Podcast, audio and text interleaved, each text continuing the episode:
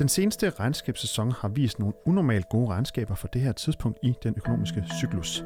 Det siger Christian Neble Hansen, der er senior porteføljemanager for Nykredit Invests to fonde, globale fokusaktier og bæredygtige aktier. Hør mere om lidt. Samtidig så er kurserne ikke fuldt med op, og det betyder, at en række selskaber begynder at se billige ud, lyder det. Men hvordan agerer man i det marked? Få svaret lidt senere i programmet. Endelig kan du høre tre eksempler på selskaber, som Christian Neble Hansen tror på med de nuværende udsigter for finansmarkederne. Du lytter til Nykredits podcast om formue og investering. Mit navn er Kasper Sagmann.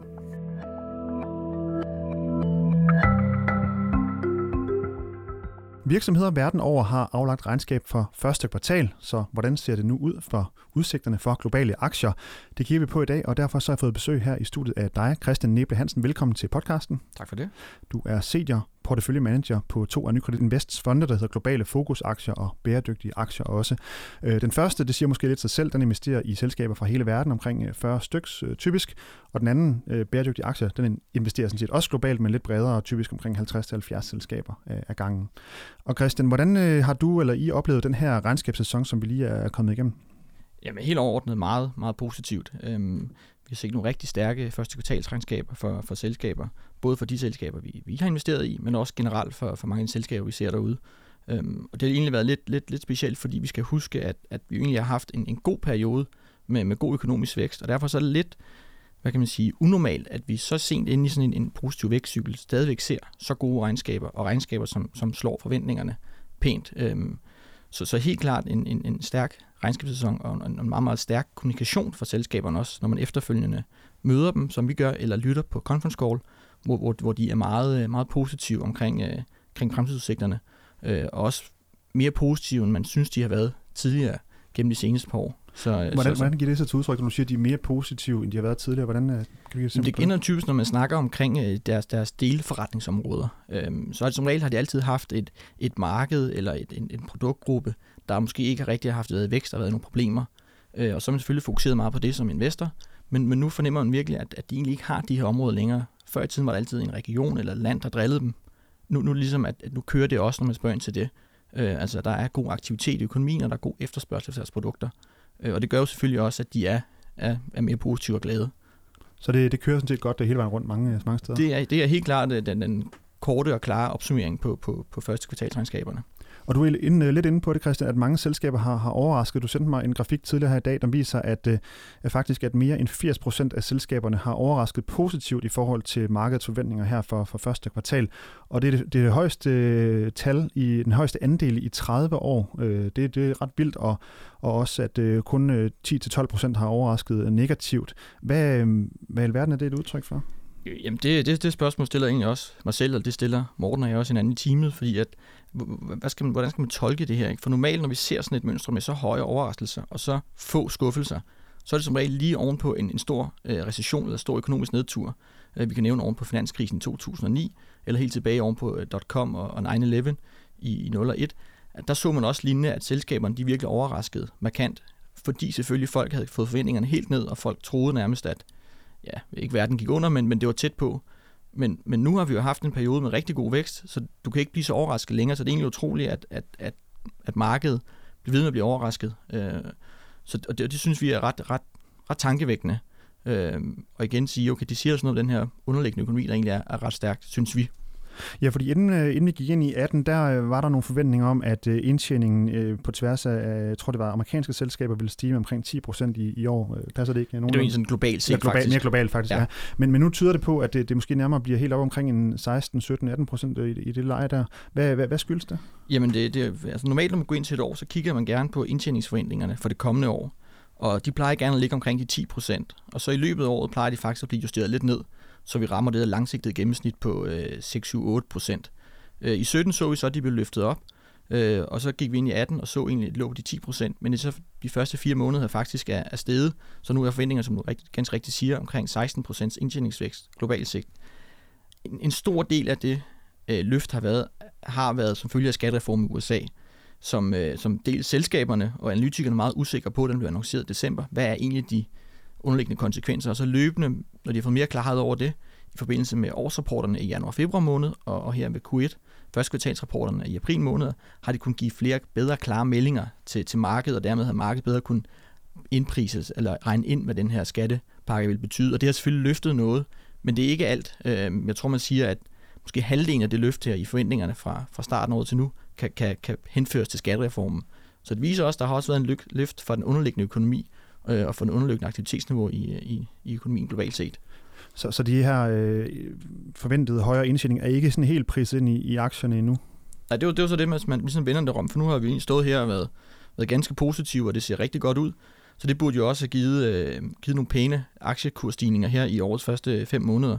Øh, men det, det har vi jo ikke rigtig set, øh, specielt ikke omkring det her februar-marts måned, hvor vi så nogle, nogle store fald, som egentlig betyder, at markedet nu ja, nærmest er fladt. Og det har jo så også givet den her værdiansættelse på markedet, der måske begynder at se, at se lidt billig ud.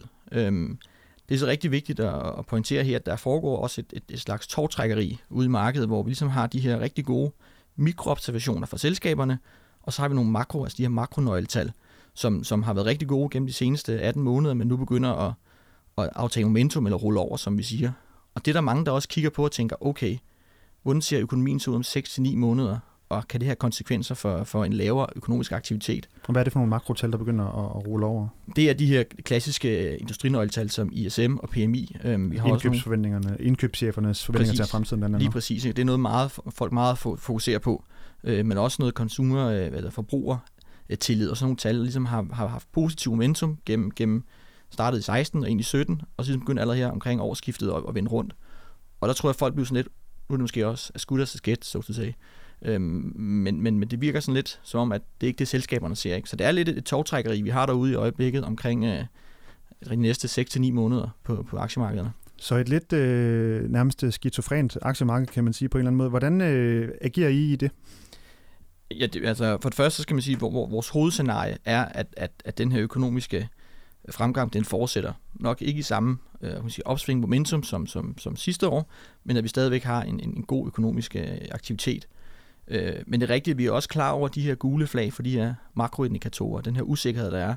Øh, så når vi kigger på vores selskaber, så, så fokuserer vi rigtig meget på, hvordan de vil kunne klare sig i en eventuel øh, økonomisk nedgang eller en aftagende aktivitet. Øh, en ting er, at man kan selvfølgelig købe noget, noget, noget stabilt forbrug, nogle, nogle, nogle sundhedsaktier, men også når vi kigger måske mere på vores industrielle, vores mere cykliske selskaber. For som jeg sagde før, så, så tror vi egentlig stadigvæk, at, at økonomien er på, en, på rette vej. Men så kigger vi meget på, om selskaberne har en, en solid forretningsmodel, øh, og typisk, at de har nogle produkter, som, som måske også er interessante, selv med mindre aktivitet, eller de har noget service-element i forretningen.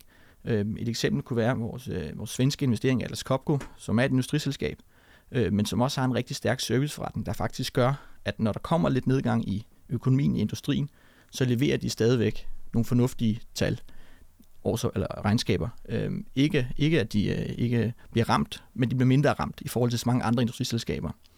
Et andet eksempel kunne være... Øh, hvis, hvis vi lige, bare lige tager ja. Atlas Copco først, øh, for det er den her svenske virksomhed, mm. som blandt andet laver altså, forskellige ting til industrien, altså luftkompressorer og øh, mine, udstyr til mineindustrien osv. Øh, og den er altså også øh, steget øh, ret pænt faktisk, øh, var lige at tjekke op på det, øh, fra, øh, ja, den er steget cirka 100% på, på fem år. Øh, og den, øh, men du siger, det er særligt, særligt den her service-del, der, der, der gør, at I tror på den. Altså, at hvis, hvis de sælger noget minusdyr, så er det godt at de ikke sælger i, i, i noget mere, men, men til gengæld så sælger de måske noget, noget vedligeholdelse osv. på det her udstyr. Lige præcis. Det, det synes vi er en rigtig stærk egenskab i forretningen. Altså, de sælger stadig meget udstyr, altså equipment, som, som selvfølgelig er drevet af, at der er en økonomisk aktivitet, og folk tør investere. Øh, men hvis nu folk bliver lidt forsigtige, så har de stadigvæk en rigtig god serviceforretning, som de, som de er rigtig dygtige til at udvikle, som de ligesom kan gøre, at de kan holde deres forretning kørende i, i, en, i en tid, hvor måske folk er lidt mere tilbageholdende med, at, med at investere. Øhm, og, så, og så den anden side af den sag, det er også, at de har en, øh, en rigtig stærk kapitalstruktur, en rigtig stærk balance. Det er selvfølgelig positivt i form af, hvis der kommer en nedtur, at de ikke skal ud og låne penge, eller bliver tvunget til at skulle udstede, ny, øh, udstede nye aktier. Men lige så meget, fordi de er også rigtig dygtige til at gå ud og finde selskaber og opkøbe selskaber og integrere dem. Øh, og der vil det faktisk være en, en lille fordel for dem, hvis, hvis eller hvad kan man sige, selskabet bliver lidt billigere derude, øh, så vil de bedre kunne købe og skabe værdi over, over, sigt, over tid på det. Ja, nu havde vi snakket om, øh, inden vi, vi gik i gang her, der, at vi skulle prøve at kigge på, på en, en tre selskaber af dem, som I, øh, I tror på, og dem, som øh, I følger meget osv. Det ene, det er altså den her Atlas Copco, som, som mange måske kender danskere. Det er jo faktisk den 11. største virksomhed i Sverige mål på omsætning, kunne, kunne jeg slå op et sted. en anden, som I tror på, det er den, der hedder Daikin Industries, et japansk selskab, der ja. blandt andet laver aircondition-systemer, og sidste år omsat for 130 milliarder kroner rundt regnet. Hvad, er det samme øh, hvad kan man sige, øh, karakteristika med, med servicedelen, eller hvad er det, der går, gør, at I sådan, øh, tror på sådan en som den også i, i, i et marked, hvor der måske er udsigt til uh, lidt recession eller noget, der minder om det på et tidspunkt? Det, det er lidt samme, samme kendetegn. Det er et industriselskab, så selvfølgelig er det eksponeret til en industricykel. Men herudover så er det også, fordi der er meget vedligeholdelse af de her og udskiftning, som man jo gør, selvom økonomien måske ikke er helt til det. Så udskifter man sit, sit aircondition-anlæg. Øh, derudover så er de også i, i gang med PT at udvikle deres produktportefølje til nogle, til nogle nye aircondition, der, der, der sparer rigtig meget på energien, på strømmen. Øhm, og der tror vi simpelthen, at der vil komme altså en efterspørgsel efter det, hvis nu der kommer en recession, at folk vil måske gå ud og sige, okay, vi kan måske spare nogle penge ved at skifte vores udstyr ud, og så faktisk tjene på det oversigt. Det vil sige, at det er noget mere øh, stabilt øh, efterspørgsel derude, selvom økonomien er, er, er en, en nedtur. Men har de, øh, hvordan ser sådan en konkurrencesituation ud for, for dem? Øh, der kunne vel også være nogle konkurrenter, der vil have det samme marked, eller hvad? Det er der helt sikkert, og der er også nogle rigtig stærke amerikanske konkurrenter. Øhm, men Daikin har simpelthen er blevet så store og har så, har så god en, en R&D, altså udviklingsprofil, som har gjort, at de har taget nogle, nogle store skridt inden for at lave nogle meget mere energieffektive øh, aircondition øh, med øh, apparater, øh, og, og, og gøre det meget mere energieffektivt. Øh, og det kan vi også se øh, nu her faktisk for seneste regnskab, at de begynder at vokse lidt mere end nogle af deres konkurrenter, øh, blandt nogle af de japanske konkurrenter, som ikke har investeret nær så meget i, øh, i, i lignende produktudvikling. Og, og det tror vi simpelthen også kunne være lidt noget, der kunne være med til at opveje en eventuel økonomisk nedgang for dem. Men igen, både Atlas Copco og Daikin, det er industriselskaber, de er eksponeret til en industricyklus. Men det er sådan, vi tænker, når vi begynder at, at kigge lidt ind i, ind i fremtiden og ser de her gule flag. Og et tredje selskab, som vi, vi snart med lige hurtigt kunne vende, det er det, der hedder SAP Global, som laver forskellige, øh, øh leverer forskellige typer af finansinformationer og analyse og, og så videre. Noget, der hed øh, McGraw-Hill tidligere, og øh, den er også øh, stedet øh, pænt. Øh. Jeg, jeg møder dem faktisk på torsdag, de kommer her til København, øh, og, og, og diskuterer udvikling og følge deres strategiske udvikling. Og, og man kan sige, at det her selskab, det er jo øh, ratings og obligationer, og det er jo klart, hvis vi går ind i en, en nedtur eller mindre økonomisk aktivitet, så vil der være mindre behov for ratings af, af obligationer, altså færre udstedelser. Men, men i de her 5-6 år, vi faktisk har haft aktien, har de faktisk bevæget deres, øh, deres strategi over mod at have en stor del af deres omsætning og indtjening fra mindre cyklisk øh, forretningsområder, kan man sige. De laver rigtig meget med, med, altså med, med software og systemer og data til kunder, som, som, som forespørger de finansielle data. Og dermed har de balanceret deres, kan man sige, deres produktportefølje mere, og dermed gjort selskabet i vores optik der mangler stadig at gå igennem en, en nedtur for at se, men i vores opfattelse har det gjort selskabet mere, mere stabilt. Øh, og det synes vi ikke helt markedet er enige i, så derfor synes vi også, det er en, det er en rigtig interessant investering at kigge ind i her, både hvis, vores, som vores hovedscenarie siger, at væksten fortsætter, men også hvis nu vi får lidt, lidt støj, så tror vi egentlig også godt, at de kan, de kan levere i, i tråd med deres uh, udmeldte strategi.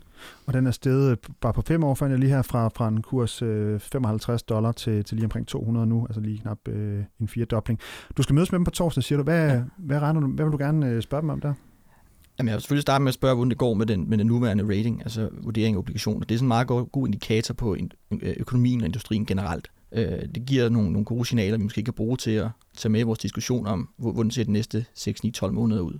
Men derudover så vil jeg rigtig gerne spørge omkring deres udvikling af nye produktområder, og de har lavet nogle små opkøb, altså der skal passe ind i den her nye forretningsben til, til rating, så det ligesom står mere stabilt.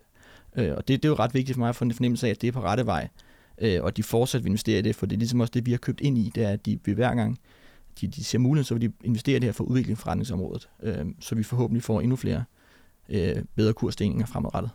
Og nu står vi altså her på, på bagsiden af et kvartal, hvor at øh, mere end 80 procent af, af selskaberne, de, øh, de overraskede positivt. Hvad, hvordan ser du øh, din prognose ud for, for næste regnskabssæson her om en, en små tre måneder?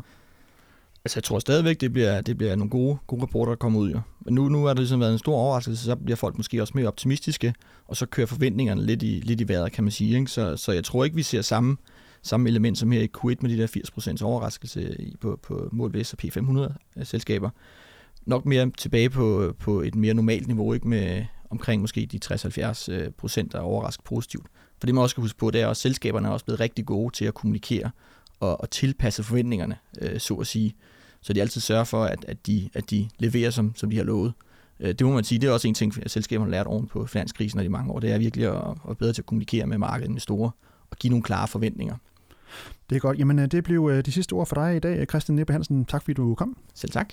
Senior Portefølje Manager i Nykredit Invest. Du har lyttet til Nykredits podcast om formue og investering. Du kan følge podcasten hver uge på nykredit.dk eller iTunes, SoundCloud, Stitcher og TuneIn. Og hvis du har idéer til emner, vi skal tage op i podcasten, så kan du sende en mail til podcast Tak fordi du lyttede med.